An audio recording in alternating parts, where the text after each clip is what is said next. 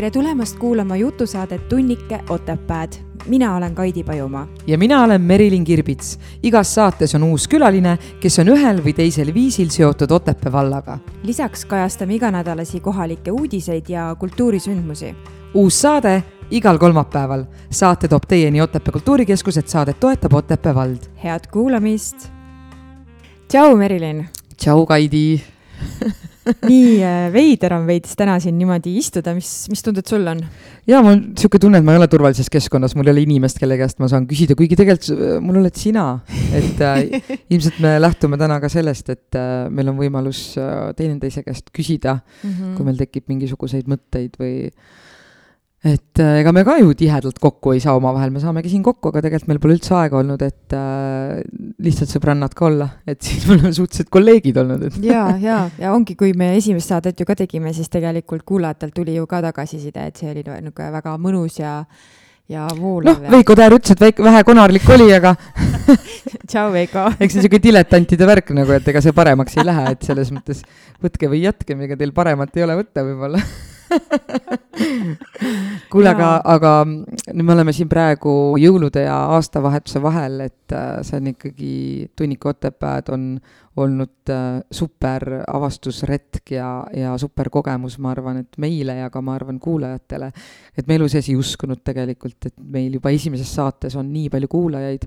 ma isiklikult olin väga skeptiline alguses oma sisemuses. päriselt? ja, ja, et äh,. seda sa ei rääkinudki mulle. aga ega ma ei pea kõike rääkima selles mõttes, et mis see nagu annab, et mm -hmm. äh, ma ei oleks seda tulnud tegema, kui mul ei oleks, ei oleks olnud usku sellesse mm. -hmm. et ma tegelikult uskusin, sest et äh, see formaat äh, ta on ikkagi, kuna ta on pühendatud ikkagi sellele kohale, siis temal on tõesti olemas mingisugune teine väärtus ka. et olenemata sellest tegelikult, kui paljud meid hetkel nagu kuulavad, aga sellest võib olla äh, tulevikus tegelikult kasu Mm -hmm. see on, nagu ma olen rääkinud, et see on puhas ajaloo talletamine, et keegi mm -hmm. enam ei kirjuta raamatusse võib-olla nendest inimestest, aga meil on olemas nendega saated jaa, no minul oli usk sajaga, võib-olla ka sellepärast, et mul oli kogemus Nõo vallas no tehtu põhjal. et äh, see on väga huvitav, väga huvitav, et sul, mis osas sa nagu äh, skeptiline olid? sest ma olen äh, kolm aastat Otepääl äh, ma ehitasin nii-öelda seda kultuuri osa ülesse ja ma nägin, kui palju peab vaeva nägema, et inimesteni jõuaks info ja inimesed jõuaksid meile saali ja tihtipeale isegi see, et kui sa pead kodus midagi ise lahti võtma kuskilt äh, internetist äh, ja kuulama või vaatama, siis tegelikult äh, inimesed ei viitsi seda teha, ma arvan. ja ma kuidagi lähtuvalt sellest ma nagu natukene kartsin, aga see oli täiesti põhjendamatu selles mõttes, et, et see on olnud ikkagi väga äge, see tagasiside, et mul on siiamaani mingisugused vanad klassiõed kirjutavad, kellega ma pole ma ei tea, ammu suhelnud, et kui, et nad kuulavad ja, ja neil on nagu nii hea tunne tekib, et nad saavad äh, aimu, mis meil siin Otepääl toimub ja kes meil siin on ja see on väga äge, me oleme väga tänulikud kõigile, kes kuulavad jaa, sama siin, et äh, minu jaoks on ka, või noh, minuni on ka jõudnud ainult väga-väga positiivne tagasiside. Ja täna me tegelikult salvestame meie kaheteistkümnendat saadet, ehk siis me oleme juba kolm kuud iganädalaselt seda teinud ja, ja kunagi kuskilt, ma ei mäleta, kas ma kuulsin või ma lugesin, igastahes üks podcaster, kes on teinud äh, sadu ja sadu episoode, ütles, et äh, kümnes saade on selline maagiline number tavaliselt, kes alustavad enda podcast'ide või niisuguste vestlussaadete salvestamisega ja maagiline just sellepärast, et kui sa teed kümme ära ja sa tunned, et sul veel nagu entusiasmi ja motivatsiooni on, siis on suhteliselt tõenäoline, et, et sa jätkad selle mhm. tegevust mm.. et kuskil, et kuskil kuni kümneni on niimoodi, et kas raugeb või ei rauge see jõud, et kas ikka tahad või ei taha. et sealt on nagu näha seda, kui, kui püsiv või, või kui suur soov see sul tegelikult on mm. -hmm ja mina ausalt öelda ei pannudki tähele, millal meil see kümme nagu täis tiksus. kes meil kümnendas saates oli üldse? oligi Veiko Täär. aa, Veiko et kuidagi ei, ei tulnud kordagi või siiamaani ei ole pähe tulnud, et ah, et lõpetame aasta lõpuga ära ja, ja paneme mm -hmm. pillid kotti, et praegu on ikkagi pigem see, et, et kõik need külalised, kes on käinud, on nii palju nagu mind ennast nagu rikastanud oma mõtetega ja, ja oma elukogemusega, et ma pigem nagu tahaks veel ja veel ja veel et tegelikult on äh, neid inimesi, kes pole jõudnud kuulata väga palju, et äh, väga paljud ütlevad, et äh, jaa, ma tean, et te teete, aga ma ei ole jõudnud kuulata, et mm -hmm. kui need ka kõik kuulaksid ja siis jagaksid veel infot edasi, et niisugune asi on olemas või mm -hmm. kuulake, siis, siis jõuaks päris paljude inimesteni mm. -hmm. eks oleneb vaata ka paljugi sellest, et milline persoon meil saates on. Et kui on täiesti, äh, täiesti võõras, siis võib-olla nagu ei, ei kipugi seda play nuppu seal vajutama, aga samas, mis ma nii-öelda selle Nõo saate põhjal, Nõocasti põhjal võin öelda, on see, et äh, iga inimene on tegelikult väga-väga huvitav ja isegi kui see nimi on sulle täiesti võõras, siis sa saadki nagu tundma ja, ja igast saatest ja igast inimesest on võimalik midagi enda jaoks nagu välja noppida. jaa, sest ma tean isegi, et meie ühe saatekülalisega oli ka see, et inimesed ei tundnud, pigem olid isegi võib-olla natuke skeptilised, et noh, ei tea mm, -hmm. aga kui nad saate ära kuulasid, nad olid äh, üllatunud ja positiivselt üllatunud. et äh, mina arvan, et äh, tuleks anda võimalus lihtsalt mm. -hmm. ja siin on absoluutselt kõigil inimestel on seda äh, kogemust ja eluteed ja tarkust, äh, mida nad tegelikult Otepää vallale annavad ja teistele inimestele annavad nagu, seda, seda kõike on neil ja ma arvan, kõigil inimestel, kes siin tegelikult elavad. Jaa, näiteks mu enda ema väga-väga kiitis Tanel Meieliga saadet et kuigi mu ema elab ju hoopis teises kogukonnas, hoopis teisel pool Tartut, kuskil Räpina maantee ääres, et ei, ei, ei ole Otepää kogukond talle tuttav, ei ole Tanel Meiel talle tuttav ja noh, kui palju ta nagu ka selle valdkonnaga kursis on, millega või, või noh, kus Tanel tegutseb. aga ta ütles, et lihtsalt see, kuidas ta asjadest rääkis, milline hääletoon, kuidas oli tema lause ülesehitus ja üldse see mõttemaailm, et teda nagu väga-väga nagu kõnetas. ja ma arvan, et äh, Taneli teemad pigemad on, on ka laiemad, et need ei puuduta ainult Otepää valda, vaid need on hulga laiemad ja puudutavad tegelikult äh, kõiki inimesi meie ümber. jah, meil oligi ju tegelikult plaan enne lihavõtteid äh, või enne kevadpühasid kutsuda ta uuesti saatesse, et rääkida nagu nendest traditsioonidest. just, jah, jah. see oleks lahe. aga sa mõnusalt ennem mainisid, et me olemegi, istume siin kahekesi stuudios jõulude ja aastavahetuse vahelisel ajal. et äh, mis tunded nagu sinul endal elu jooksul on olnud selle jõulude aastavahetuse vahelisel ajal, selle, sellepärast et mina ise olen kuidagi tundnud, et, et aeg või energia nagu seisab. et, et jõulusid oled nagu mitu kuud oodanud, noh, niivõrd-kuivõrd, ikkagi selline rahu ja, ja, ja perega olemise aeg. ja samas aasta ei ole veel nagu ka läbi, et ongi selline enesesse vaatamine, kuidagi niisugune noh, mina hästi tunnen, et olen, olen nagu mingis limbos nagu kinni, et kuidagi need päevad on nagu pikad ja venivad või läbi aastate on niisugune tunne olnud, kuidas sul on? no ma ütlen, kui sügisel hakkavad ilmad pimedamaks minema, siis mina muutun järjest melanhoolsemaks, et äh, kuigi pealtnäha särav ja rõõmus inimene, siis tegelikult ma sisemas äh, olen ma kuidagi üdini melanhoolik, et ma võin, mulle meeldiks jõuluõhtul ka üksinda oma toas olla näiteks, mul tekib kohe selline vajadus. ja mul on oma sünnipäeval ka, mingitel olulistel hetkedel ma tahaksin kuidagi olla nagu endaga mm. -hmm. see on nii veider tunne, aga mm, tihtipeale jõuludega ei saa seda tekkida, sest mul on suur pere ja mul on palju sõpru ja kõik on vaja läbi käia ja kõigiga on vaja koos olla, nii et ma, ma olen tegelikult lihtsalt väsinud peale neid jõule, sest et ma ei jõua enam käia ringi lihtsalt. Et, äh, et see väike sihuke mõnus melanhoolsus on minu sisetunne ja ma väga äh, tegelikult tahaksin tekitada seda hetke, et ma ei pea töö peale mõtlema, aga ka täna tegelikult äh, ikkagi tuli jällegi tööasju ajada ja ma ei saa neid oma peast välja mm. -hmm. et tahaks veel rohkem kuidagi seda hetke, et ma saan täiesti ennast ära lõigata. aga mul on hea meel, ma käisin suusatamas esimest korda. ma nägin su story't, nii äge.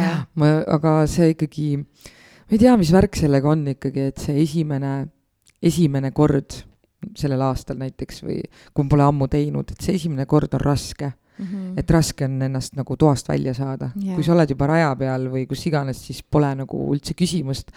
aga miks tekivad nagu enda sees need, miks ma tahan jääda nagu koju ja nii-öelda mugavustsooni mm, -hmm. miks on raske inimesel nagu minna lihtsalt välja see on, see on hea küsimus, see ju tegelikult ei puuduta ju ainult sporti, vaid tegelikult kogu tegevust, kas mingisugustele igat hommikut noh, ärkamine juba, mul on nagu ärkamisega probleeme tihti. ükskõik mis sündmus või mingisugune, ma ei tea, kohtumine uute inimestega või, või mingisugused uued projektid, et kõik, kõik tundub kuidagi selline iseenda mõneti nagu lükkamine kuhugi tundmatutesse vetesse, aga kõik ütlevad ka seda, et et äh, just seal, kus sa oled väljaspool oma mugavustsooni, sünnibki nagu maagia ja mina olen seda nagu hästi palju kogenud, aga kust see tuleb, ma ei tea. just, ja kuidas, kust, kust leida seda, mis on see sinu motivatsioon, et ma tean, et osasid aitab ainult see, et ma näitan teistele, et ma saan hakkama, on ju. Mhm. aga tegelikult peaks ju tegema ainult oma sisemise tunde ja vajaduse järgi. lihtsalt äh, mul on tunne, et äh, ma pidevalt, kui ma, ühesõnaga ei tohiks magusat süüa, ma olen paar päeva söönud jälle magusat, ma ei ole väga rõõmus selle üle, aga mul on pidev dialoog endaga peas, et mul on tunne, et minu aju on nagu minu lisainimene minu juures et ma pean kogu aeg temaga dialoogi ja sama nende asjade tegemise juures, mida ma tahaksin teha mm. -hmm. ma pean minema, tahan välja minna suusatama, see on mulle nagu kasulik ja mhm. vajalik mm -hmm. ja see annab mulle nii palju mm, -hmm. aga ma pean ikkagi kellegagi dialoogi, ma pidevalt vestlen. ma nagu. arvan, et see on see ego, mis äh,, mitte isegi aju, vaid see ego nagu, mis, mille, millele meeldib olla seal, kus ta on harjunud olema ja temaga peab pidevalt mm. võitlema. ongi, see ongi aru. see sisemine dialoog kogu aeg, et äh, noh, tema on ka ju see, kes ütleb äh, noh, mitte nagu ei hoiata, vaid äh, kuidagi tekitab võib-olla, noh, mis minu, minu puhul on, tekitab võib-olla umbusku teiste inimeste puhul või aa, no vaata nüüd, miks ta nüüd nii ütles ja nii käitus ja kuule blablabla bla, bla, eks ju. et vahepeal on niisugune, ma olen isegi mingisugustes teemades ka, mis puudutab näiteks enesekriitikat, et ta muutub nagu nii valjuhäälseks, et ma, ma olen isegi mingitel aegadel nagu kõva häälega käratanud nagu keset tuba, et kurat, jää vait lihtsalt, nagu, mida sa tahad, nagu, mis sul viga on, vaata aga kuidas nagu temast äh, võitu saada? ongi ületamine, kogu aeg ületamine, mida rohkem sa ületad teda ja kuulad enda sisetunnet, sest see südamehääl on jälle see, mis ütleb muidugi mine suusatama, muidugi mine, see on hea su kehale, see on mm -hmm. hea mhm. su meelele, vaimule, kõigele, eks ju. ja mida rohkem mul on tunne, et sa ego vaigistad, seda vähem ta nagu sõna võtab ja seda rohkem sa kuulad oma südant. kas ego on siis see, kes meid pidevalt nagu takistab meie tegemiste juures? Et me ei saa nagu ellu viia mingisuguseid asju, sest ta lihtsalt äh, on skeptiline kõikide asjade suhtes. jah, ja mul on tunne, et ta muutub nagu skeptiliseks vastavalt nagu sellele, milline on sinu harjumuspärane elu varem olnud. kõik see oma mugavustsooni loomine, talle meeldib seal olla, iga uus asi nagu lükkab teda sealt välja. ja samas ma ei ütle seda, et ego, ego ei tohiks olla või ei peaks olema või et mõned ütlevad, et sa justkui jõuad nirvaanasse või mingisse õndsusesse siis, kui sa oled oma ego täiesti lahustanud, ma arvan, et kui sa siin füüsilises maailmas oled, sul on vaja ego, et tal on ka väga palju nagu positiivseid funktsioone, kõik see enese alalhoiuinstinkt ja, ja kõik need asjad, eks ju, mis on ka mõneti nagu egoga seotud.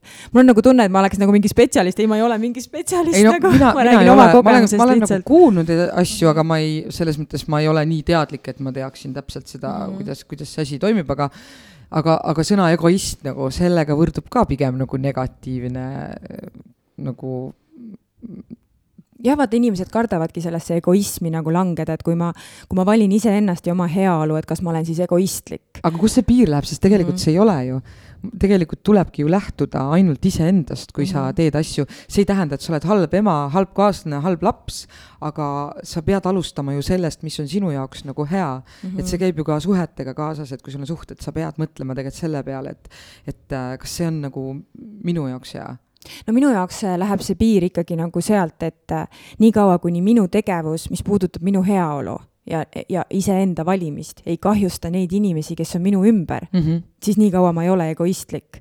et kui ma valin iseenda ja läbi selle kahjustuvad või saavad haiged või, või kuidagi nagu puudutatud negatiivselt inimesed, keda, kellest ma hoolin, siis võib-olla on tegemist juba sellega, et kas see on ikka minu heaolu või see on minu egoism nagu. no suhete koha pealt vist ei ole, sest isegi kui lahkuminek ei ole.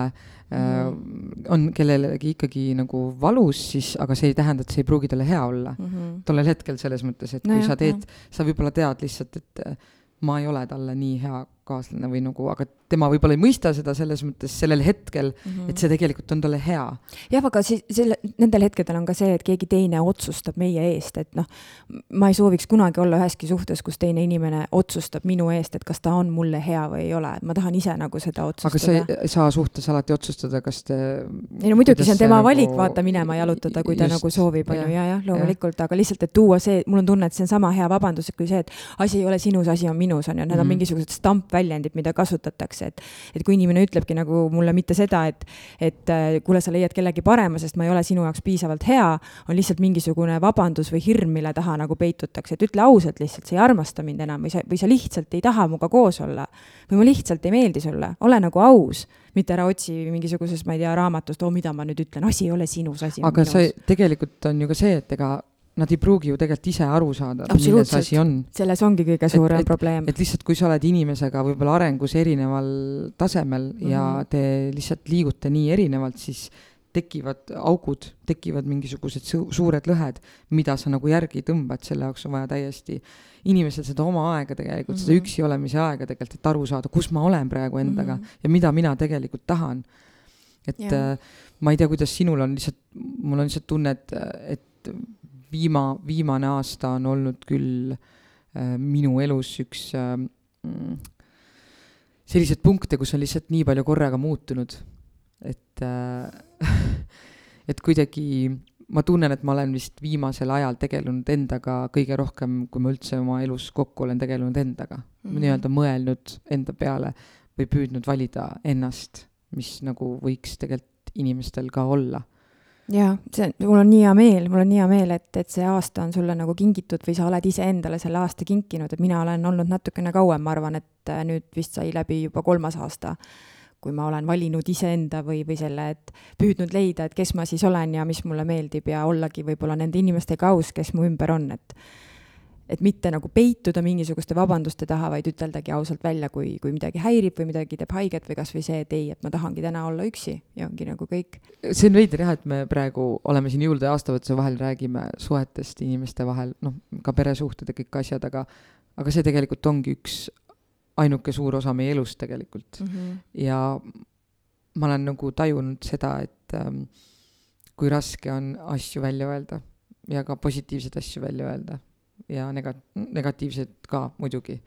et kuigi tegelikult see on elus üks olulisemaid asju, et sa ütled asju välja selles mõttes mm, -hmm. et kuidas teised inimesed peavad sind mõistma.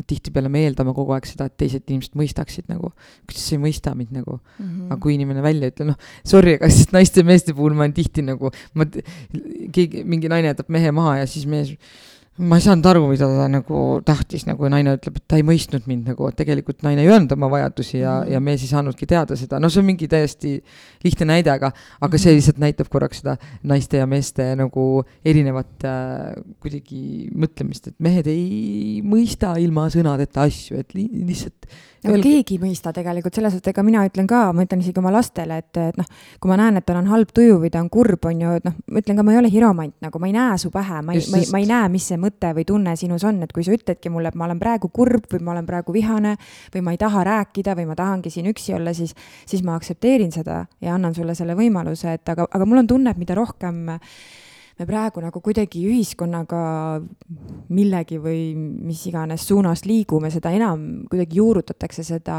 ausust ja avatust. ja, ja kui noh, täpselt nagu sa ütlesid, on ju, et kui mees ütleb, et ma ei mõista, miks, miks mind ei lahku, siis ma ütlengi, et see täpselt nagu sa ütlesid, et see oli ikkagi naise tegemata jäetud töö või siis mehe vajadus mitte süveneda.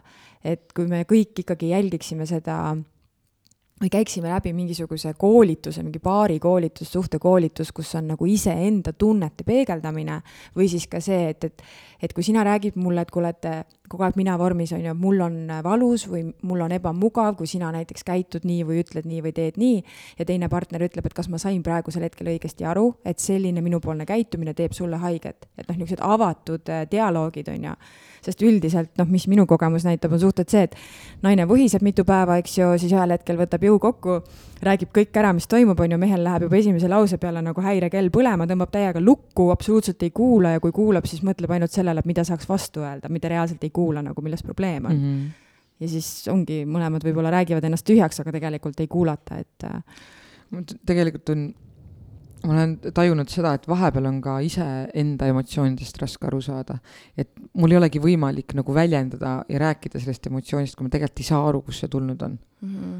et see, see ana-, eneseanalüüs ja lihtne on selle emotsiooni pealt käituda lihtsalt või rääkida kuidagi ründavalt või aga tegelikult ma isegi ei tea, kust see tulnud on mm. -hmm. et kuidagi see pidev enesetunnetamine ja analüüs on see, millega me ei taha ka pide-, nagu tegeleda tegelikult. jah, see on see iseendaga kontakti leidmine, minul näiteks oli täiesti ehe kogemus jõulude ajal, et kuna mina tegelen hästi palju sellega, et mida ma tunnen ja kui keegi mulle midagi ütleb ja ma tunnen, et, et mul käib nagu mingi jõnks läbi või midagi, et miks mul see tekkis, et mis asi oli see lause, mis mind nagu trigerdas, et ja eriti, kui on tegemist lähedaste inimestega, siis ma ju tean, et ta ei tahtnud mulle halba, aga kuna mina reageerisin, siis ilmselgelt on minus mingisugune valukeha, mis nagu käivitus aga oligi, et ma kuidagi väga-väga ootasin nagu neid perega jõule ja kõik tegelikult oli hästi tore.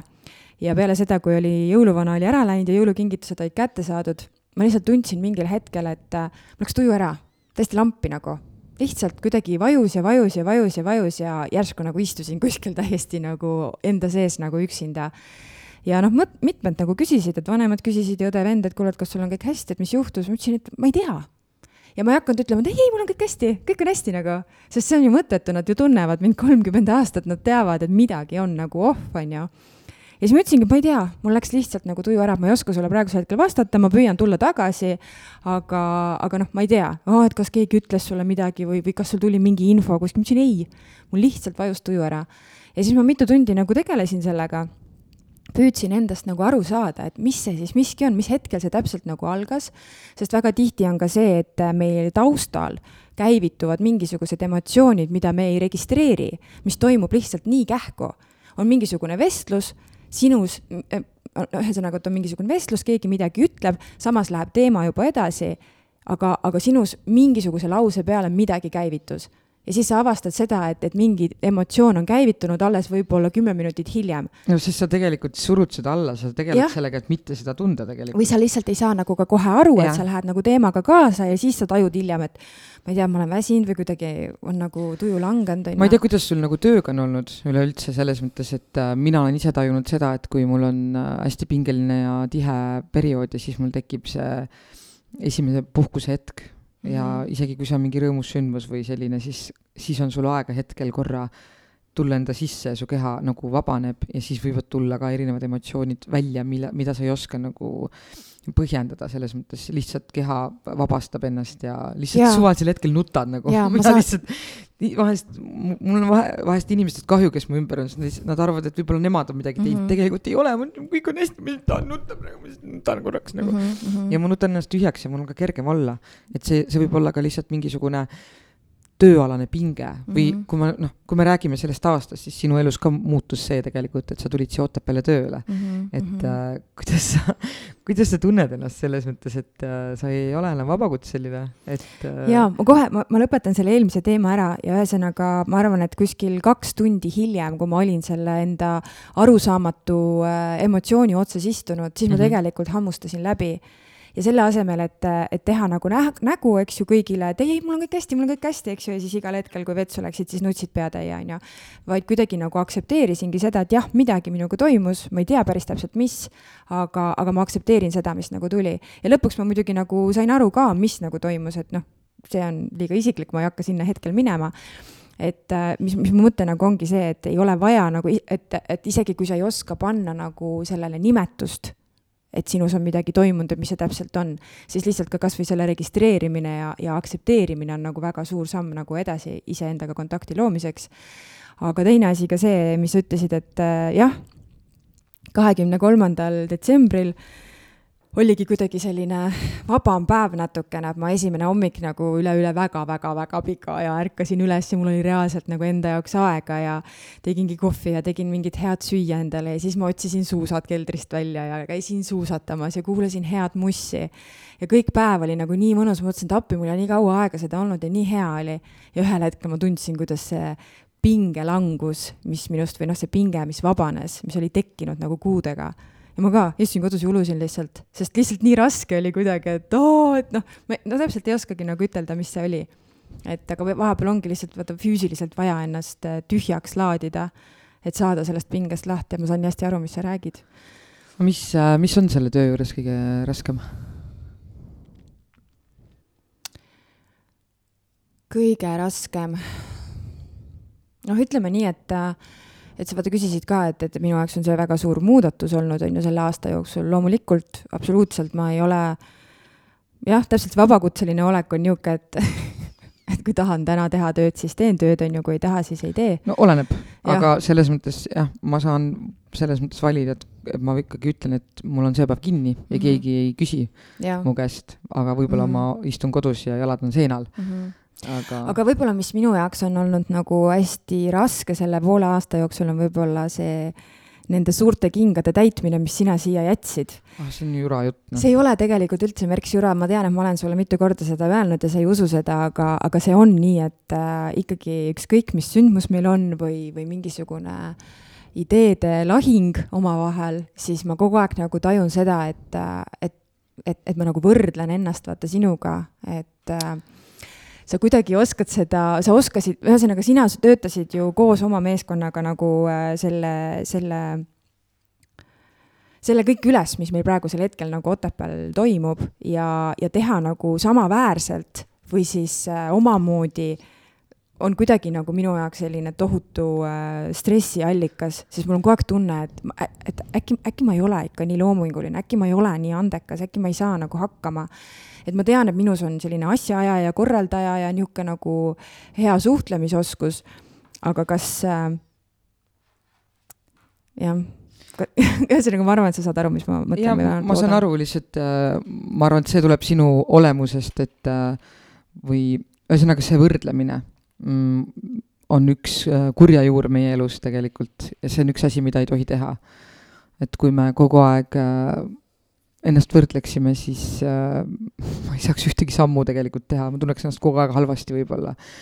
et ähm, ma ise muidu äh, noh, ma ei tea, kui palju sina horoskoopidesse usud ja kõike Oi, seda väga, väga. ennustajatesse värkidesse. muidugi, mulle väga meeldib käia. mina nagu, nagu ei ela nende järgi, aga ma, mul on tunne, et midagi on seal nagu äh, tõest, aga see oleneb täiesti nagu, keda nagu uskuda või keda lugeda, et tegelikult osa, osaliselt on väga suur protsent lihtsalt väga head psühholoogid. et tegelikult see, mida nad räägivad, ei ole mingisugune, ma ei tea, mingi uus ennustus, vaid tegelikult see on vana hea tõde mille me oleme lihtsalt ära unustanud. ja noh, mul ema, mamps loeb selliseid äh, raamatuid ja Kirsti Timmeril äh, on see mingi taroskoobi raamat, on ju, mul on see kaasas ka praegu, on ju. et mhm. lihtsalt natukene nagu horoskoopidest, et natukene nagu anda aimu nagu, mis mhm. toimub. ja tal on väga toredasti räägitud mingitel teemadel siin vahepeal ka, küll lühikesed.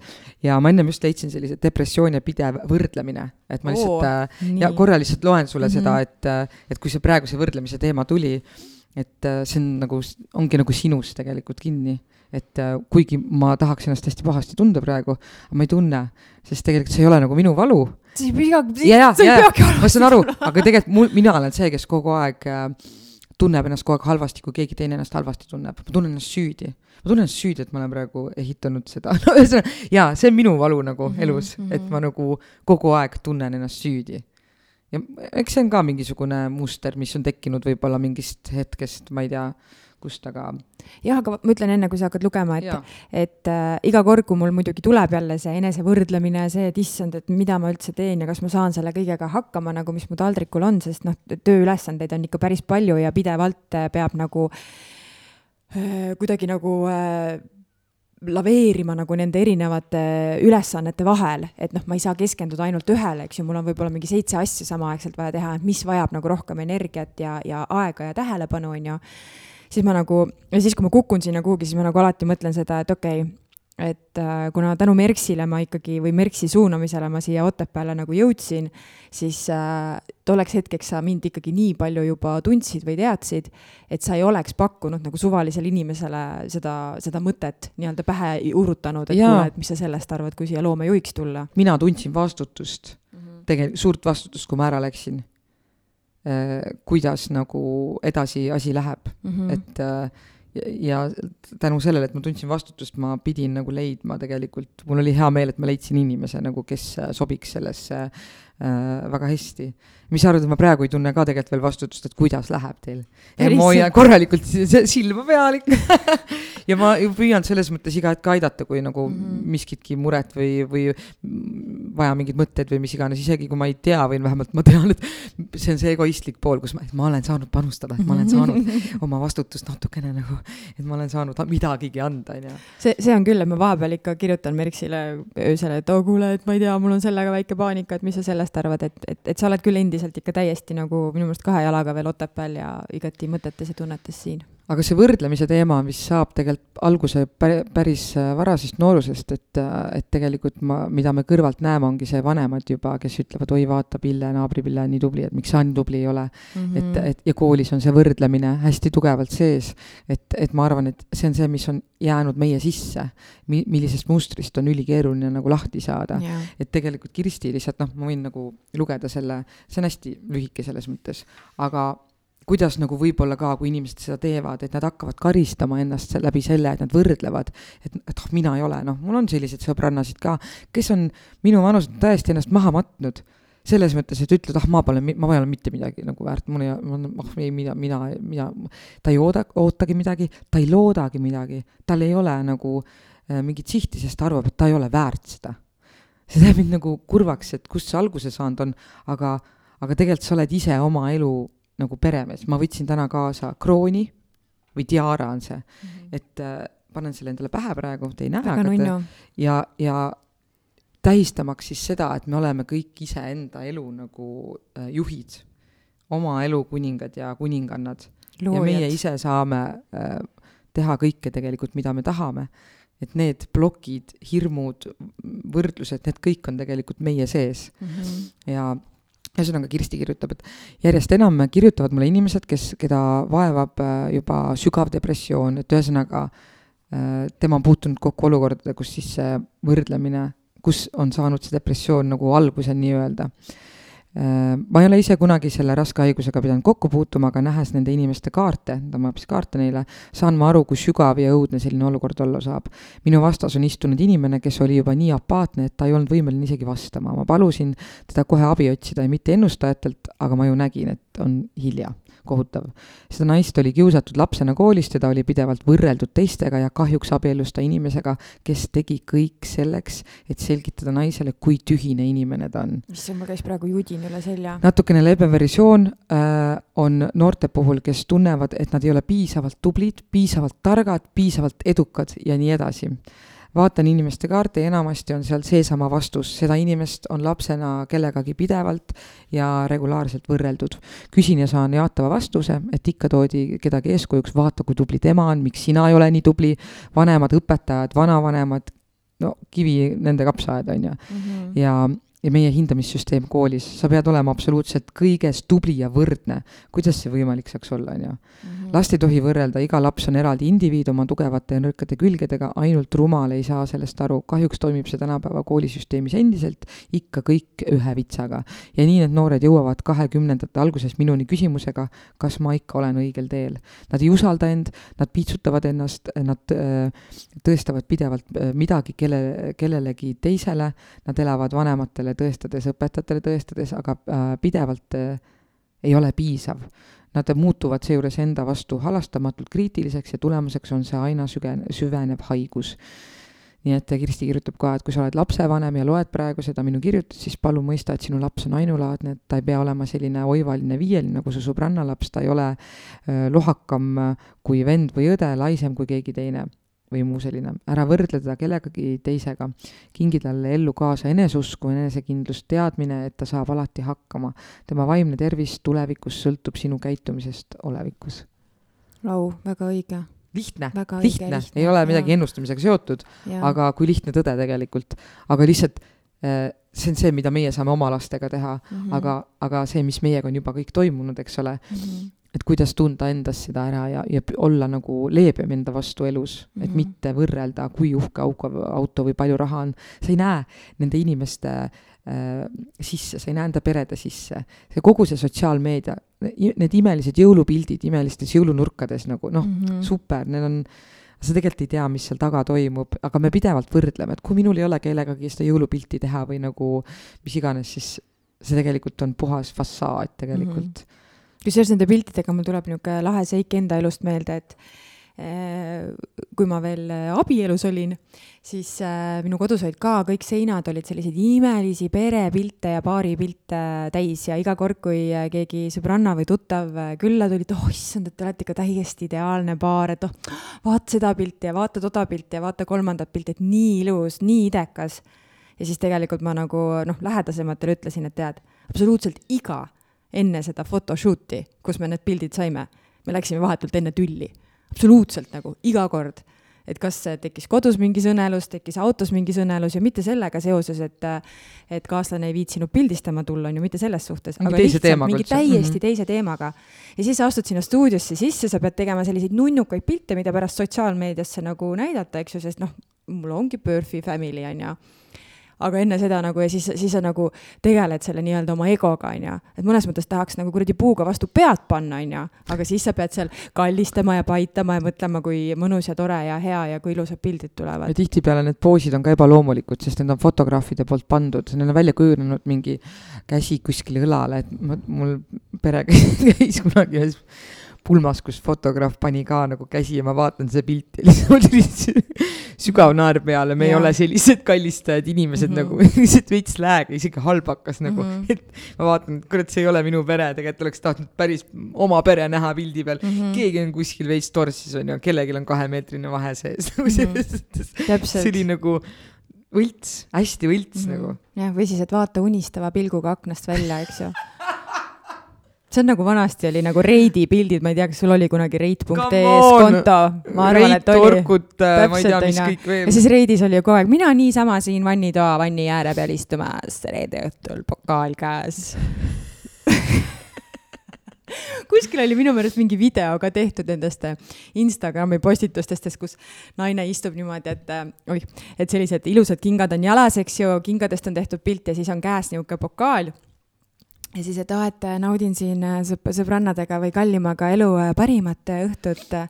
ja siis tegelikult, mis oli kaadriväline, on ju, tšikil olid dressid jalas, dressipüksid olid lihtsalt ülespoole nagu tõmmatud, et kingad ja, ja ilusad jalad nagu välja paistaks, on ju, dressikad olid seljas, siis mingi juuksed olid kuidagi kokku pandud, võib-olla kolm päeva pesemata, iseendal oli nägu nagu ära nutetud, sest ilmselgelt, ma ei tea, viimati oli, kellestki läks lahku või mingi kurb uudis oli, aga see, mida nagu kuvati ja see, mida me näeme nagu läbi sotsiaalmeedia ja ilmselgelt me hakkame võrdlema mm,. eriti sellisel jõuluajal, eks ju, kui on tegelikult nii palju inimesi, kes erinevatel põhjustel on nagu üksi ja siis sa vaatad neid pilte, kuidas kõik on nii õnnelikud, aga samas kõik see, mis sellele fotole eelnes, oli võib-olla kõik läksid omavahel tülli, võib-olla keegi ütles kellelegi väga nõmedalt, onju et see, see sotsiaalmeedia on üldse päris crazy, jah. jaa, ma olen väga palju mõelnud tegelikult äh, just nende inimeste peale, kes ei saa oma perega koos olla või kellelgi ei ole, kellel ei ole pere.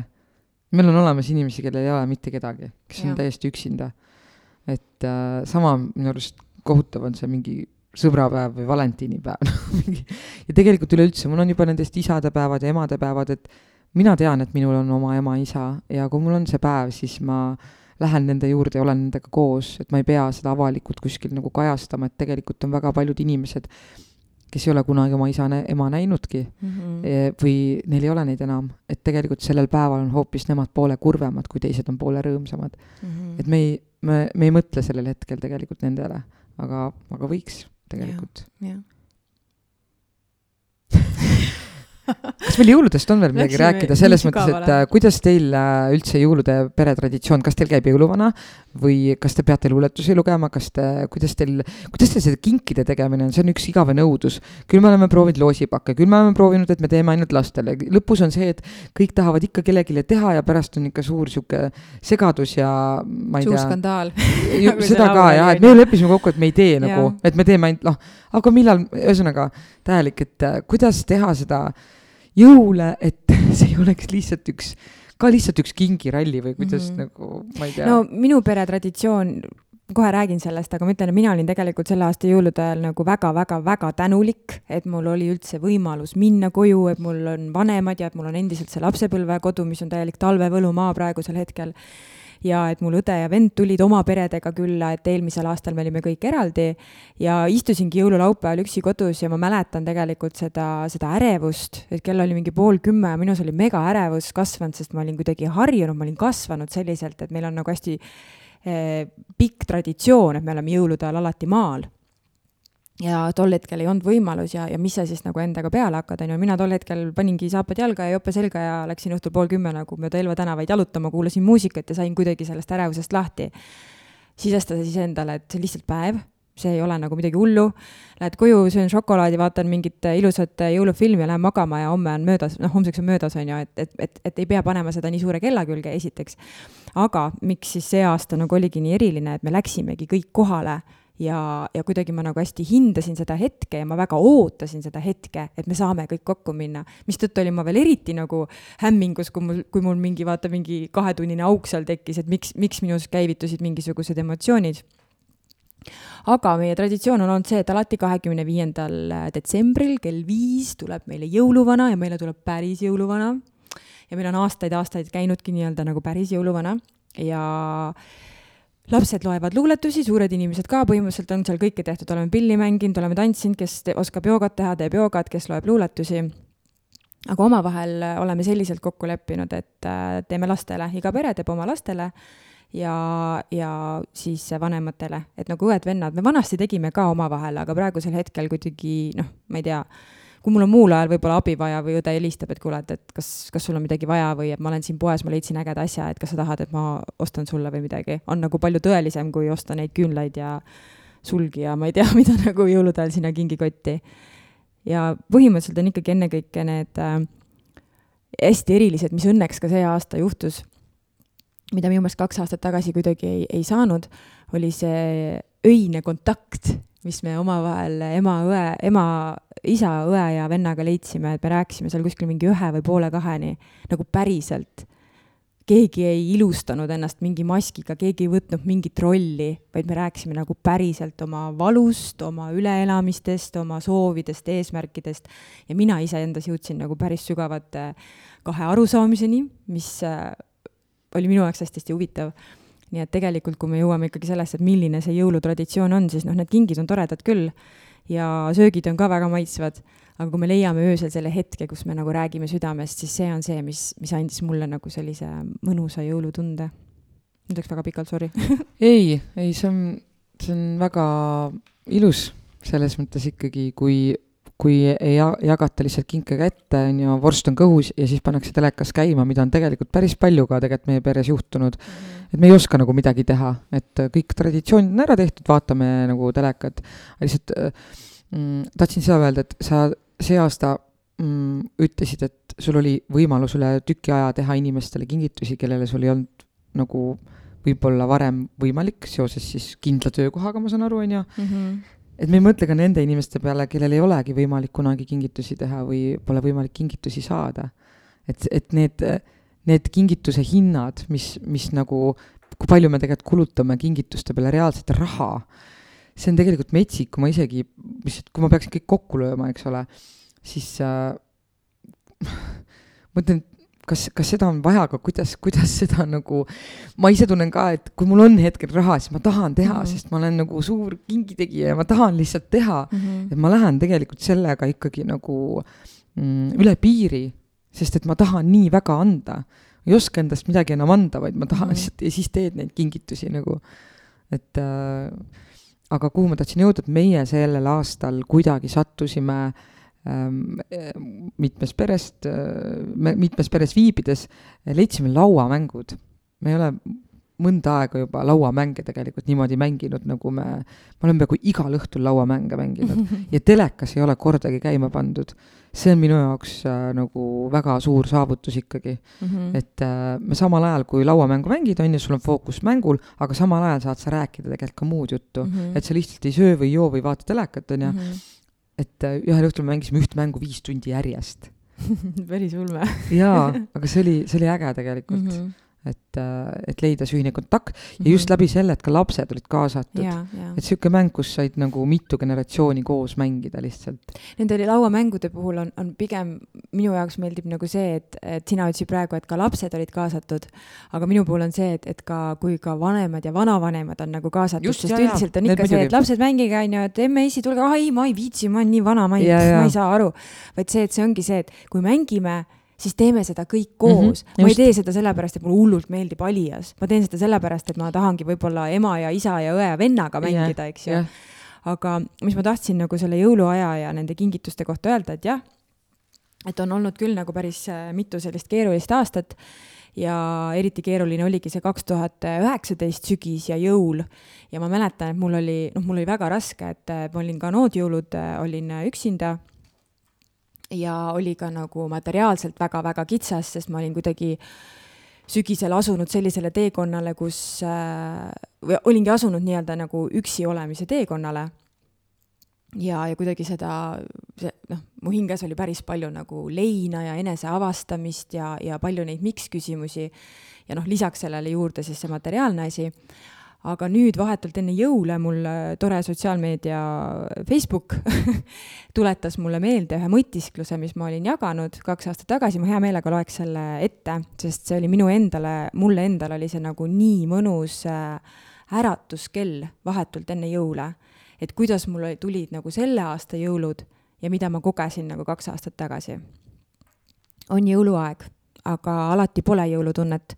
Alati ei suuda sest ajaks leida hinges rahu, alati pole jõuluajal enda elus kõik nii, nagu tahaks, alati ei jõua jõuluks koju, alati ei oska näha sära jõuluehteis, alati ei tekita piparkoogi lõhn sooja tunnet, alati ei suuda luua magusaid mälestusi, alati ei ole raha, et osta kalleid kinke, alati ei oska leida rõõmu eneses, aga alati on vähemalt kaks suurt hinge, kes mahuvad mu käte vahele.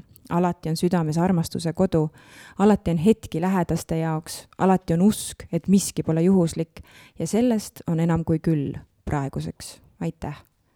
ja see nagu niimoodi raputas mind kahekümne kolmandal detsembril. ilmselt see oli ka asi, miks ma nagu nutma hakkasin peale mm,. Okay. Mm -hmm. et nagu kuidagi. vaata, kui palju muutunud. et kuhu ma olen jõudnud Just, kahe aastaga, kuidas ma olen ennast üles töötanud. et see oli nagu, sellepärast ma ütlen ka, et väga oluline on pidada nagu märkmikku või päeviku, päevikuid, et et sa näed nagu seda, kust sa tuled, kuhu sa teel oled ja kuhu sa jõudnud oled. tegelikult ma arvan, et, et see see nii-öelda aasta lõpu aeg ongi tegelikult see hetk, kus sa tegelikult vaatad, on ju, et mis, mis siis eelmisel aastal nagu sinu elus toimunud on ja siis mõelda nende asjade peale, et mida, mis sind ees ootavad või mida sa tahaksid, et sind ees ootavad mm. -hmm. et äh, ütleme nii, et mingisugune väike unistus või siht või asi võiks ikkagi olla, isegi kui see on nagu imepisike. et ma olen lihtsalt viimasel ajal hästi palju küll nagu endaga tegelenud ja ja hästi palju muutusi oma elus ette võtnud. ja ma olen avastanud, et mul ei ole tegelikult äh, konkreetset sihti nagu sellist, et ma tean, mida ma tahan siin elus. et äh, nagu paljudel on nagu, et nad mm -hmm. tahavad saavutada, noh, tahavad suurt maja või mingi karjääris mingisugune kindel asi ja ma avastasin, et oi, mul ei olegi tegelikult sellist sihti nagu mm. -hmm. et äh, aga kui on ka pisikesed asjad, millega ma tahaks nagu hakkama saada, näiteks praegune minu unistus, ma ei ole suutnud äh,, samamoodi see mingisugune ego ütleb, et ära mine.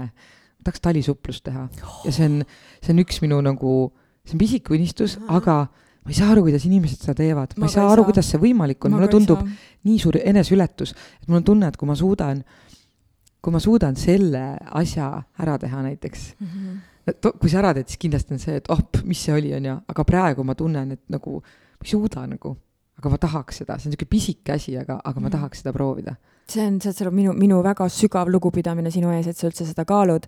sest kui me tegime talvetervitust Otepäält koos nende talisuplejatega, ma lihtsalt karjusin nagu seal kaldal ja kiljusin sellepärast, et ma ei suutnud uskuda mul oli, mul oli nii külm. sa ei tahtnud ise minna sellel ei, hetkel nagu, et ei, ma, ma nüüd, ma nüüd lähen ka kuskil nagu karjaga kaasa või? ma olin tead silmini ja varvasteni paksudes riietes ja mul oli ikka nii külm, sest saad sa aru, noh, võib-olla temperatuurid ei olnudki nagu nii madalad, aga tuul oli nagu rõvedalt külm.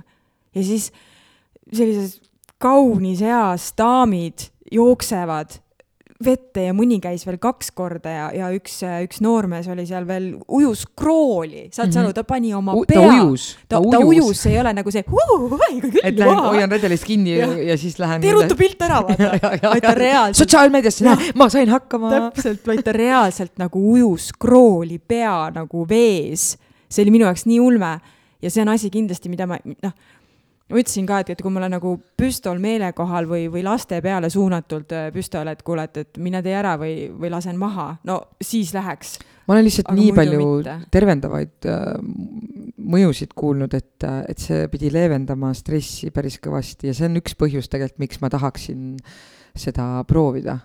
ja see pidi kaalu langetama sest see pidi, ma ei tea, mitu kalorit võtma, nagu see pidi olema mingi trenni asemel põhimõtteliselt, kui sa korra käid, siis keha peab arvatavasti tegelema. ma ennem teen joogat nagu... neli korda päevas, kui seda, lihtsalt, mul on kogu aeg niigi külm. ja immuunsüsteem pidi mm. tugevamaks minema, et kõik sellised asjad ka ja pluss ma arvan ikkagi see eneseületus aga kui sa äh, lähed seda merks tegema, siis kutsu mind, ma, ma täiega elan sulle kaasa sa, seal kaldal. sa ei tule, sa ei tule? vette ma ei tule, aga Aa. ma olen seal kaldal rätikuga. tegelikult mul oleks vaja ühte inimest, siis mine tea, seal võib saada mingi südari või hing jääb kinni või ma korra mõtlesin, et äkki ma nagu, äkki peaks mingi nööri endale külge siduma igaks juhuks, et peaks. kuule, ma tulen ikka ära selle nööriga hakka. aga ma ütlen, et ma ei, ma ei suuda seda sellepärast ka teha, et septembri keskpaigas meil oli äh, hästi ilusas äh, kohas Ilmjärvel, siinsamas Otepää lähedal oli akrojoogalaager, kus me olime terve nädalavahetus ja akrotasime, õhtuti tegime sauna, olid samamoodi sellised sügavad vestlusringid.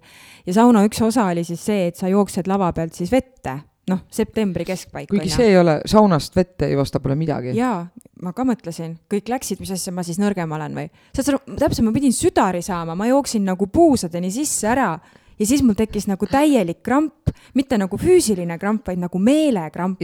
mul oli nii külm, saad sa aru, mul oli nii külm, ma ei suutnud ise, ma ei, nagu, ma ütlen, mul tekkis nagu täielik mingi afektiseisund, sellepärast et ma ei, ma ei suutnud kuhugi poole astuda. aga seal öeldakse, et äh,, mm, et sa ei tohi mõelda ma ei mõelnud, ma ei mõelnud, ma ei mõelnudki midagi, mul oli nii külm. et sa ei tohi nagu hakata mõtlema, vaata, see on sama see dialoog, kas ma lähen või, seal ei ole küsimust ma saan aru, et seal, seal ei ole, see ei ole hetk, koht, kus küsida enda mm -hmm. käest, vaid seal sa pead lihtsalt minema nagu. ja, ja ma läksingi ja siis ma seisin seal ja ma ei saanud ei edasi ega tagasi, sellepärast et mul oli nii külm lihtsalt.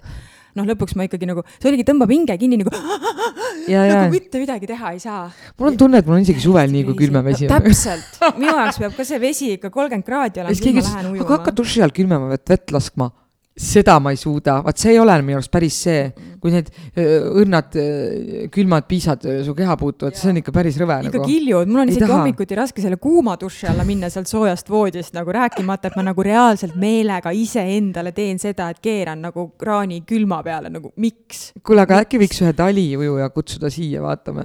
tõesti, see on, see on nagu, see on tõesti tervitused kõikidele Otepää tali suplejatele, see on, see on super, mis te minu teete. minu sügav nagu. kummardus nagu. kui te, kui te meid vette saate, siis nagu ma ei tea, ma annan selle krooni oma peast ära see on, see on ikka crazy ses suhtes, et ähm.... kas sina muidu äh, kirjutad või mõtled omale uusaasta lubadusi? aa, kusjuures nii hea, et sa seda küsisid, ma ennem just tahtsin rääkida, aga meil läks teema selle talisupluse peale et äh, just nüüd, ma arvan, kunagi kuu aega tagasi äkki, mul tuli meelde, et ma kirjutasin esimesel jaanuaril kaks tuhat kakskümmend üks iseendale kirja mm. -hmm. ja see oli kaks A4 pikk mm. -hmm. ja ma olin selle täiesti ära unustanud mm -hmm. ja ma lugesin seda ja aru, mul oli nii kahju endast kuidagi, noh, see ongi see päeviku pidamine, et kuidagi ma rääkisin sellest, kus ma hetkel olen. sa kohtusid tolle nagu... Kaidiga, kes oli tollel hetkel? jah, ma kohtusin selle Kaidiga, kes oli esimesel jaanuaril kaks tuhat kakskümmend üks ja ma mäletan, et tollel samal päeval ma panin ka kümme eesmärki, mida ma selle aasta jooksul tahan saavutada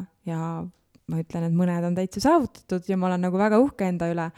et äh, selline esimesel jaanuaril iseendale kirja kirjutamine on tegelikult ka jälle mingi asi, mis noh, põhimõtteliselt sama nagu päeviku pidamine mm, -hmm. eks ju. aga et noh, mitte, et sa ei pea seda igapäevaselt tegema, aga ongi selline aasta kokkuvõte.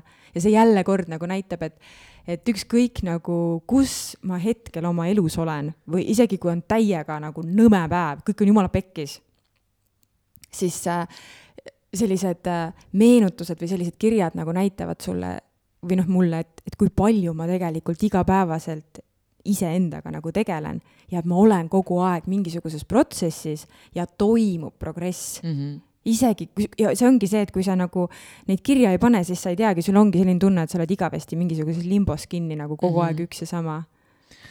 no ma teen ma... seda kindlasti see jaanuar uuesti, esimesel jaanuaril.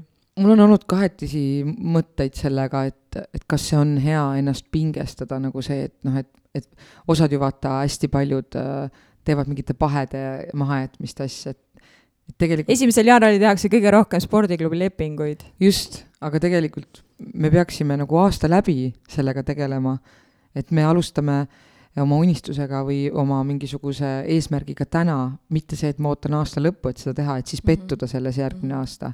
jah, absoluutselt, jah. et, et, et kuidagi nagu ma olen nagu seda mõelnud, et me teeme endale ise nagu elu keerulisemaks mm -hmm. läbi selle, et me paneme nii palju vastutust jällegi sellele homsele päevale. just, just, ja lükkame seda nagu tegelikult äh, edasi ja kui see esimesel jaanuaril ei õnnestu, siis, ah siis proovin järgmine aasta uuesti mm. -hmm. noh, mingeid siukseid asju on olnud. sest kasvõi trenniga alustamisega ka ju öeldakse, et aa, et homsest alustan dieedi dieediga või homsest no, see on minu trenniga. argipäev minu arust olnud et tegelikult alati. on nagu see, et kui sa tahad alustada nagu liikumisega, eks ju, siis ära tee niimoodi, et ma homme teen kuuekümne minutise megaraske keha ja mine täna kümneks minutiks ja, välja. täpselt, mine ja. juba täna või kui sa ütled, et, et homsest ma enam ei söö kommi või, või homsest mm -hmm. ma toitun tervislikumalt, on ju, noh, võta juba täna näiteks õhtul selle prae asemel hoopis salat või no,. see on nii keeruline. see on mega, mega keeruline. sihuke dialoog selle egoga jälle, et on. kas see on ikka kõige parem mm -hmm. mõte tervislikuks tegelikult see šokolaad on ikka nii maitsev näe, ta kõbiseb seal, ta vaatab sulle vastu, onju. ta nii tahab, et sa teda sööksid. ja vaata, kui soe siin voodis on, ära mine sinna õue külma kätte nagu, rääkimata mingisugusest talisupplusest, noh.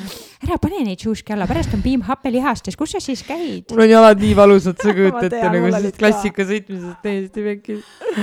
mina ei oska klassikat üldse sõita. aga, aga muidugi ikkagi võib selles mõttes muidugi mm, mõelda nendele asjadele, aga sa ei pea nagu endale panema vastutust, nii suurt vastutust, et ma pean hakkama esimesest jaanuarist maha jätma, mõnel see võib-olla toimibki, aga mm -hmm.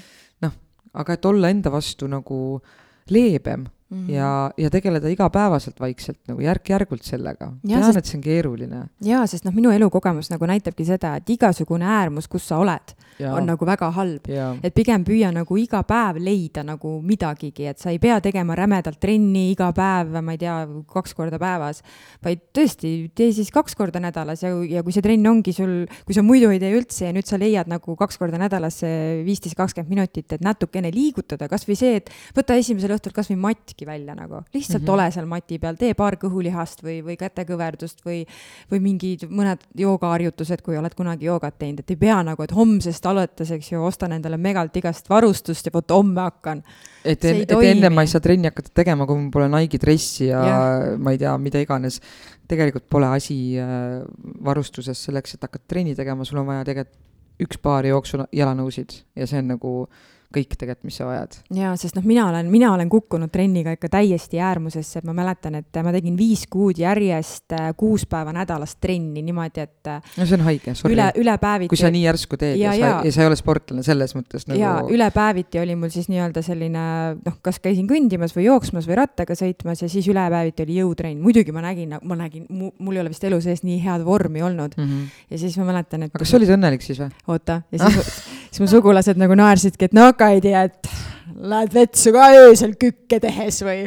et nagu nende jaoks oli, nende jaoks oli ka see äärmuslikkus nagu veits naljakas ja, ja tegelikult see päädiski sellega, et. kadedus, aga noh sest äh, sorry, aga kui keegi tegelikult on mingi eesmärgi võtnud, ta on selle saavutanud, siis võiks kiita teda. ei muidugi mind kiideti, mind väga ma saan kiideti, aru, aga on ja. neid, kes teevad nalja, sest mm -hmm. nad on mhm. kadedad. muidugi. Nad ja. ise nagu endal on pirukas käes ja naerab su üle, aga tegelikult on kade, tal endal on raske ja halb mm, -hmm. sest keegi on hakkama saanud millegagi, aga kurat, võiks nagu rohkem positiivsust anda teineteisele ja kiita teisi inimesi selle eest nagu. jaa, aga mu jutu point oligi nagu selles, et, et kui ma need viis kuud ära tegin ja ühel hetkel mul viskas lihtsalt nii üle, lihtsalt nii üle, et ma mõtlesin, et kui ma peaks veel ühe trenni tegema, ma hakkan oksele. Ja, ja. ja siis ma tegelikult aasta aega ei teinud mitte midagi, absoluutselt mm -hmm. mitte midagi ja tegelikult oligi see, et ma, ma kukkusin ühest äärmusest täiesti nagu teise äärmusesse, et kui ma oleks alustanudki nende mõnede jalutustega ja võib-olla kord nädalas teed seal mingit intensiivsemat trenni, siis see on nagu jätkupidevam kui see, et, et nagu megalt push'id seal viis kuud täiesti nagu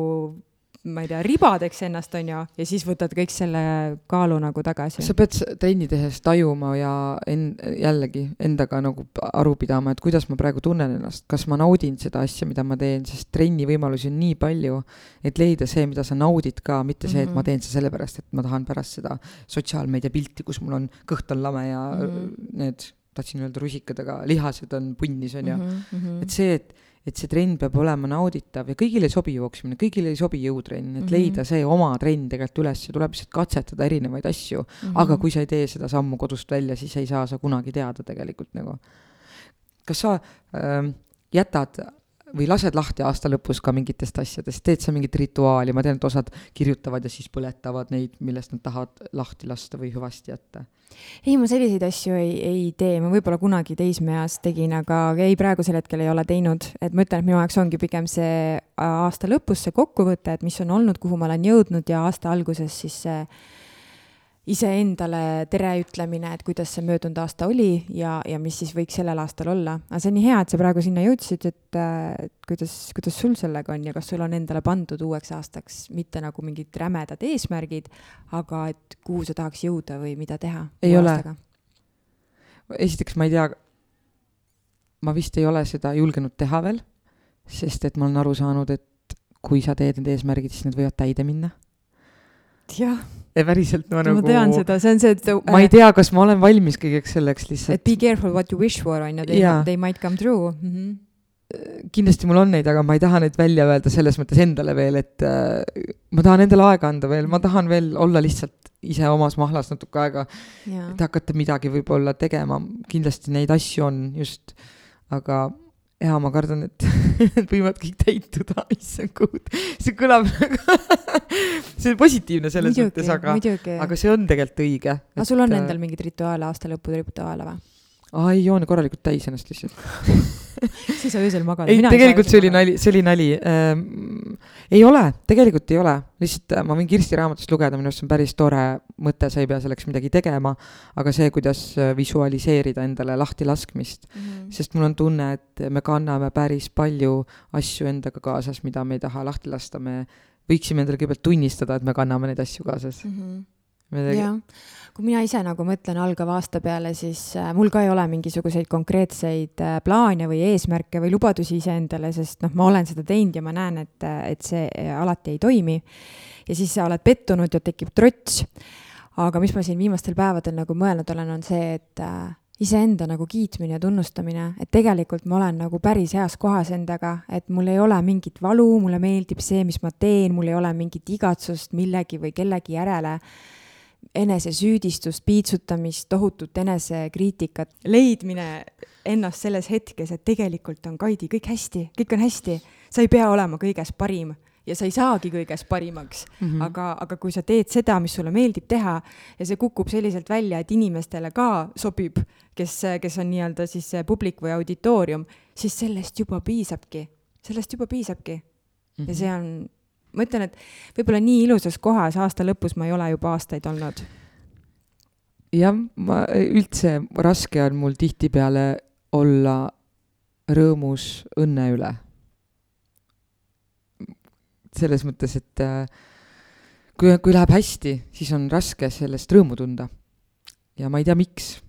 sest et kogu aeg on mingisugune jura ja siis, kui sa äh, oled õnnelik, siis kuidagi sa ei tunne alati rõõmu, aga tegelikult äh,, sest sa kardad, et see saab otsa, see õnn nii-öelda. aga tegelikult sel hetkel, kui see on, siis tuleks seda nagu täiel rinnal nautida. aga ma loen sulle lihtsalt äh, selle lahtilaskmise väikese rituaali, mida kõik saavad teha, kui neil on oh, miskit, nad tunnevad, see on -hmm. see on lihtne, sa pead lihtsalt nagu, et kõige parem on lahti lasta visualiseerides kui tahad äh, lasta lahti suhetest, mille puhul oled justkui sõltuvuses ja ei saa vabaks, aga tahad, siis loo endale järgnev kujutluspilt. ja mina arvan, et see ei ole äh, ka ainult suhetega, ma arvan, et sa võid mõelda sinna teiseks selleks asjaks nagu ükskõik mida, ükskõik mis asi see on. aga oluline on see lahtilaskmise tunne, ma arvan. mõtle ennast ja oma kaaslast, ma arvan, ehk siis seda teist asja, äh, kahe paadiga merele. Teie paadid on ühendatud jämeda köiega istu oma paadis ja räägi rahulikult teises paadis olijale või sellele nagu asjale või ma ei tea, vahele, mida iganes, mis on. sa tahad sellest suh-, suhtest sellega vabaneda. ja räägi, mida sa tunned ja mille eest sa oled tänulik. ütle, et lased tema vabaks ja kingid vabaduse ka endale. seejärel raiu teid ühendav köis mõttes läbi ikka nii, et äh, näed seda nagu filmis, et saadki köie katki ja näed, kuidas teine paat hakkab lainetel sinust eemalduma. visualiseerimine aitab vaid siis, kui tahad vabaks saada päriselt. kui oled veel kahtlev, siis võid teha seitse imet, aga lahti sa sellest suhtest ei saa. kui paned tööle aga kogu mõttejõu ja enda tahte, siis märkad õige pea, et see side ongi katkenud ja see nii-öelda suhe hakkab äh, sinust eemale hoidma ning avastad, end üha vähem temale mõtlemast. ja ta siin ütleb ka, et energiavampiiridega on sama, ma ei tea, kas sa oled energiavampiiridega kokku puutunud oh, oma elus oh,? Neid on väga palju meie ümber, et sa tunned, üks inimene tuleb, ta imeb su tühjaks, läheb ära, sa oled täiesti läbi omadega, aga mm -hmm. miskipärast on tema energiat ja rõõmu täis, on ju, ta on kogu su mhm. energia ära võtnud aa ah,, noh, siin on jah see, et see ongi inimene, kellega koos sa tunned lihtsalt, et ta väsitab su ära, just täpselt ja mm. -hmm tegu ei ole halbade inimestega, kindlasti mitte. lihtsalt mõni inimene mõjub väga intensiivselt ja kui oled nõrgem ja rahulikuma loomuga, siis ta justkui imeb su energiast tühjaks. ja seda juhtub ka siis, kui oled väsinud, tervis ei ole kõige parem või tahad lihtsalt rahu ja vaikust. mõtle, et teie vahel on toru või kanal, mida pidi tema energia sinuni jõuab ja end sinu külge laadimiseks ühendab. lõika mõttes see toru läbi või ehita sein vahele, ploki see ühendus ära. nii saad kaitsta enda energiat ja väsid vähem see, see, see ei käi nagu nende inimeste vältimise kohta, vaid puhtalt selle energia voolu nii-öelda takistamise kohta. ja sellel nagu kusjuures nagu erinevaid taktikaid, et on ju ka see, et, et kui sa tead, et sa saad selle inimesega kokku, siis äh, kujusta enda ja selle inimese vahele peegel ja peegel niimoodi, et see peegel on siis selle inimese poole suunatud. et kõik see, mis tema sulle kiirgab, peegeldub talle nagu tagasi. ja Kristi kirjutas ka siin, et tegelikult äh, et see ongi parim viis tegelikult, kui kättemaksust rääkis, et kui mm. sa tahad kätte maksta, et tegelikult see kõige parem viis on ainult see, et sa reaalselt äh, suunad sama energiat tagasi, mida tegelikult sinule on nagu suunatud. ja, ja mis ta ütles veel seda, et, et kui sa õhtul lähed magama siis ole tänulik kõikide nendele inimestele, kes on täna sinu peale mõelnud ja saada energiat neile tagasi, kes on sinu peale mõelnud. et see on see positiivne energiaring, mis meie vahel tegelikult toimub nagu. -hmm. mina küll väga tihti mõtlen oma mingite sõprade peale. et, ähm, et peabki olema nagu tänulik ka nendele, kes nagu sinu peale mõtlevad, ma loodan, et neid on kindlasti on, minagi mõtlen sinu peale väga tihti. aga selle kättemaksuga, minu meelest oli kunagi oli kuskil väga lahe lause, et, äh, et kui sa tahad kätte maksta, eks ju, või haud kättemaksu, et keegi oli kirjutanud, et ma olen, ma olen liiga laisk inimene selleks, et kätte maksta mm, -hmm. et mhm. ma lasen karmal oma töö ära teha kusjuures äh, siin on ka räägitud sellest, et karma on tänapäeval, see ei ole see, et, et, et kogu põlvkond nüüd tulevikus peab hakkama seda karmat kandma ja ma ei tea, su lapsed äh, saavad selle, et tänapäeval karma toimub kiiremini. et, äh, et ta ütleb ka, et tead, sa ei pea mitte midagi tegema selleks, et mhm. karma teeks oma töö. ta ütles, istu ja oota, kuni show algab mm. -hmm. et põhimõtteliselt see käib nii kiiresti, et sa lihtsalt mm -hmm. ootad ja sa näed, et see show nagu Karma teeb oma töö kohe sinu nina all põhimõtteliselt ära. ja, ja on ja, kusjuures ongi tänapäeval on kuidagi need energiat on hoopis teistsugused, palju intensiivsemad. ja ma olen iseenda elus nagu tajunud seda päris, päris tihti. et, et see toimib? et see toimib ja. ja see toimib ka niipidi, kui ise oled mingi jamaga hakkama saanud, et varsti sööd ise oma keedetud suppi, et sedapidi ka. absoluutselt, mina olen tajunud, et kui ma olen kellestki noh, vahest ikka tuleb mingisugune paha mõte nagu kellestki võib-olla mingil põhjusel ja ma väga tihti löön ennast kohe ära vastu mm, mööblit. absoluutselt, ma kogu aeg, jaa, ja mul on kohe esimene mõte siis pekki küll, oota, kelle peale ma mõtlesin. mu ema alati ütles, et kui sa ära lööd nii, mis su viimane mõte oli? jaa, aga tegelikult see on täiesti mm -hmm. tõsi ma olen seda tajunud ja ma olen kohe ümber mõelnud, et miks ma niimoodi mõtlesin mm., kus see, kus see, kust see mõtte algus nagu alguse sai ja, nagu. ja mis seal all tegelikult on, on ju, et miks sa mõtled kellestki nagu negatiivselt. tead, meie tunnik on läbi, ma arvan. jaa, meie tunnik on läbi tiksunud, jah. aga ma tahan ainult lugeda sulle seda, et äh, mis, äh, me oleme Kaidiga mõlemad lõvid, et mis ootab uus aasta, mis uuel aastal meid ees ootab nii, väga põnev, väga põnev. ma lugesin mingit eelmise aasta mingit kuud ja nagu see kõik oli nii õudselt täppi pane-, pandud, et see oli täitsa hirmutav nagu. Aasta kaks tuhat kakskümmend kaks on lõvile üldiselt kirju aasta, algab suurte võitudega ja rahulolutundega. sinu plaanid ja tegevus on suunatud suures osas suhetele, tegeled sel aastal oma armastusega, kirega ja selguse leidmisega. sa pead suutma otsustada, kas hoiad kinni olemasolevast või lähed justkui avamerele purjetama kus sadamasse jõudmine ei ole kindel. Aasta on täis põnevust, uusi alguseid ja mõnusat rahulolu. samas kipud seadma eesmärke, mille täitmiseni jõuad rahulikult sammudes ja iga sammu korralikult välja mõeldes. sa võid hakata langetama kaalu, minna midagi uut õppima või alustada treeningutega võta kõike rahulikult, sest pea ees vette hüpates tüdined varsti sellest entusiasmist ära, kõik, mis me tegelikult rääkisime, mis nagu võib juhtuda ja on juhtunud kindlasti su elus on sel aastal ka palju saladusi. võid käia esoteerilistel kursustel, millest teistele ei räägi, võid teha muudatusi, mida hoiad salajas ja võid omada ka salasuhet oh. suhe on ka nii lai mõiste, et nagu mm -hmm oma šokolaadiga suhe näiteks. oma tervisega tuleb sul sel aastal olla hoolas, sind kimbutavad pidevalt mingid hädad ja sa pead otsima aina uusi lahendusi. nii mõnigi lõvi saab sel aastal perelisa ja sinu tähtkuju puhul kipub tagasi sündima siia ilma üks siit lahkunud sulle oluline inimene. nii ilus on see minu arust. sel aastal pead sa oma eluohjad kõvasti enda kätte haarama. sul on piisavalt jõudu ja pealehakkamist, et sellega toime tulla samuti oled sa tööl heade juhi omadustega, lase nendel siis särada. selle aasta märksõna, ela endale, mitte teistele.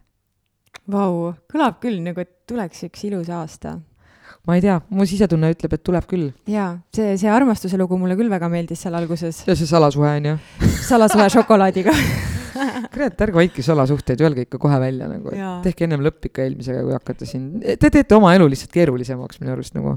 ma saan aru, et on põnev ja adrekas, aga ma ei tea, mine mäele suusatama ja siis saad ka adrekat nagu. jah, eks selle, salasuhte all on seal palju, palju aspekte ju, ma arvan ka, et ei saa nagu ja need on ju ja väga erinevad asjad tegelikult. aga aitäh sulle, Merilin, et sa selle aasta lõpu ühe päeva, tunnikese, päevast tunnikese minuga veetsid. mul on väga põnev olnud. Aitäh sulle. ma olen, minul on tihtipeale ma olen avastanud, et mul on äh, ka oma tundeid ülikeeruline nagu lausetesse panna. ma ei tea, millest see tuleb, eks see on kogu minu elu teekond olnud, et äh, on raske välja öelda mingisuguseid asju, et äh, ma usun, et sa tead, mida kõike ma mõtlen sinu suhtes. jaa. Et sa mõistad mind inimesena, nagu ma olen ja, ja jah, vaata see mõistmine, tuleme jälle selle mõistmise juurde, et et sa ei mõista, et ma pean ikka välja ütlema, onju. ei, me võime sellest rääkida eetriväliselt. ja, aga aitäh sulle kõige eest. sa oled sulle. hästi palju äh, andnud selles mõttes äh, mõtteid ja koostöid ja ma ei tea, oled hea sõber olnud ja nagu kõike-kõike nagu, mida üks inimene veel oma ellu nagu tahab. et mul on hea meel, et ma sinuga kohtusin ja ma usun, et meid ootab äh, koos pikk tulevik, sina oledki minu salasuhe. ma loodan, ma tulen avalikuks siis kunagi. nüüd tulid. ja mina, kõik täpselt samad sõnad sinu suunas ka, et ma ei, ma ei kujutaks, sina oled väga suur faktor minu selles aastas, mis praegu lõpeb, et miks mõned asjad on minu elus täpselt nii head, nagu need on ja need on kõik nagu tänu sellele, et sina minu ellu tulid. no sina oskad kohe nagu öelda niimoodi, et kohe hakkab sihuke veider nagu, hakkad kohe võrdlema, et ma ei oska midagi öelda. issand ise alustasid ju. aga, aga inimesed, kes kuulavad meid, et äh, ma ei tea, ärge pange endale väga suuri sihte ja eesmärke, et äh, need võivad teil olla kogu aeg kuskil nagu olemas, aga võtke mingisugused väiksed asjad, mis on just teile endale võib-olla mõeldud ja, ja liikuge nende poole ja laske siis see köis lahti asjadest, mida te ei taha oma ellu. Tehke Jah. lihtsalt tühjendus nagu riidekapis. riidekapis tehke ka tühjendus, teate, kui palju see aitab äh, vanast energiast lahti saada, mina olen Jaa. koguja, ma kogun asju hästi palju.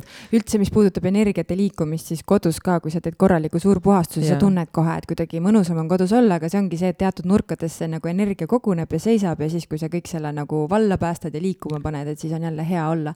aga mis ma tahtsin öelda, ma olen nagu, mulle väga igasugused mõtteterad ja tsitaadid äh, väga-väga meeldivad ja ja üks mõte, mis, mis ka mind nagu päris tihti kannab, on see, et äh, kui sa lood endale mingisuguse unistuse või eesmärgi, mille poole sa tahad äh, või mille poole sa soovid pürgida ja sa teed kõik endast oleneva, aga sa ei suuda seda saavutada, siis selle asemel, et mõelda, et ah, et võib-olla ma ei olnudki seda väärt, siis võib-olla pigem nagu istuda tugitoolile, panna selg vastu seljatuge ja mõelda ja lasta nagu elul natuke voolata, sest teinekord elu teab paremini, mida sina vajad ja toob sulle hoopis parema asja kui selle, mida sina nagu soovisid. nii et selline elu usaldamine on ka väga-väga oluline minu meelest. muidugi on, ma lihtsalt ei taha vahepeal neid märke lugeda, ei taha, aga see on see ego, mis ei, mina tahan ikka seda, mis ma praegu või mõtlen. ma ei ole valmis sellest lahti laskma või ma ei taha või mis iganes. see lahtilaskmine inimestest, olukordadest, töökohtadest, mälestustest, süüdistustest, et see on. Esemetest..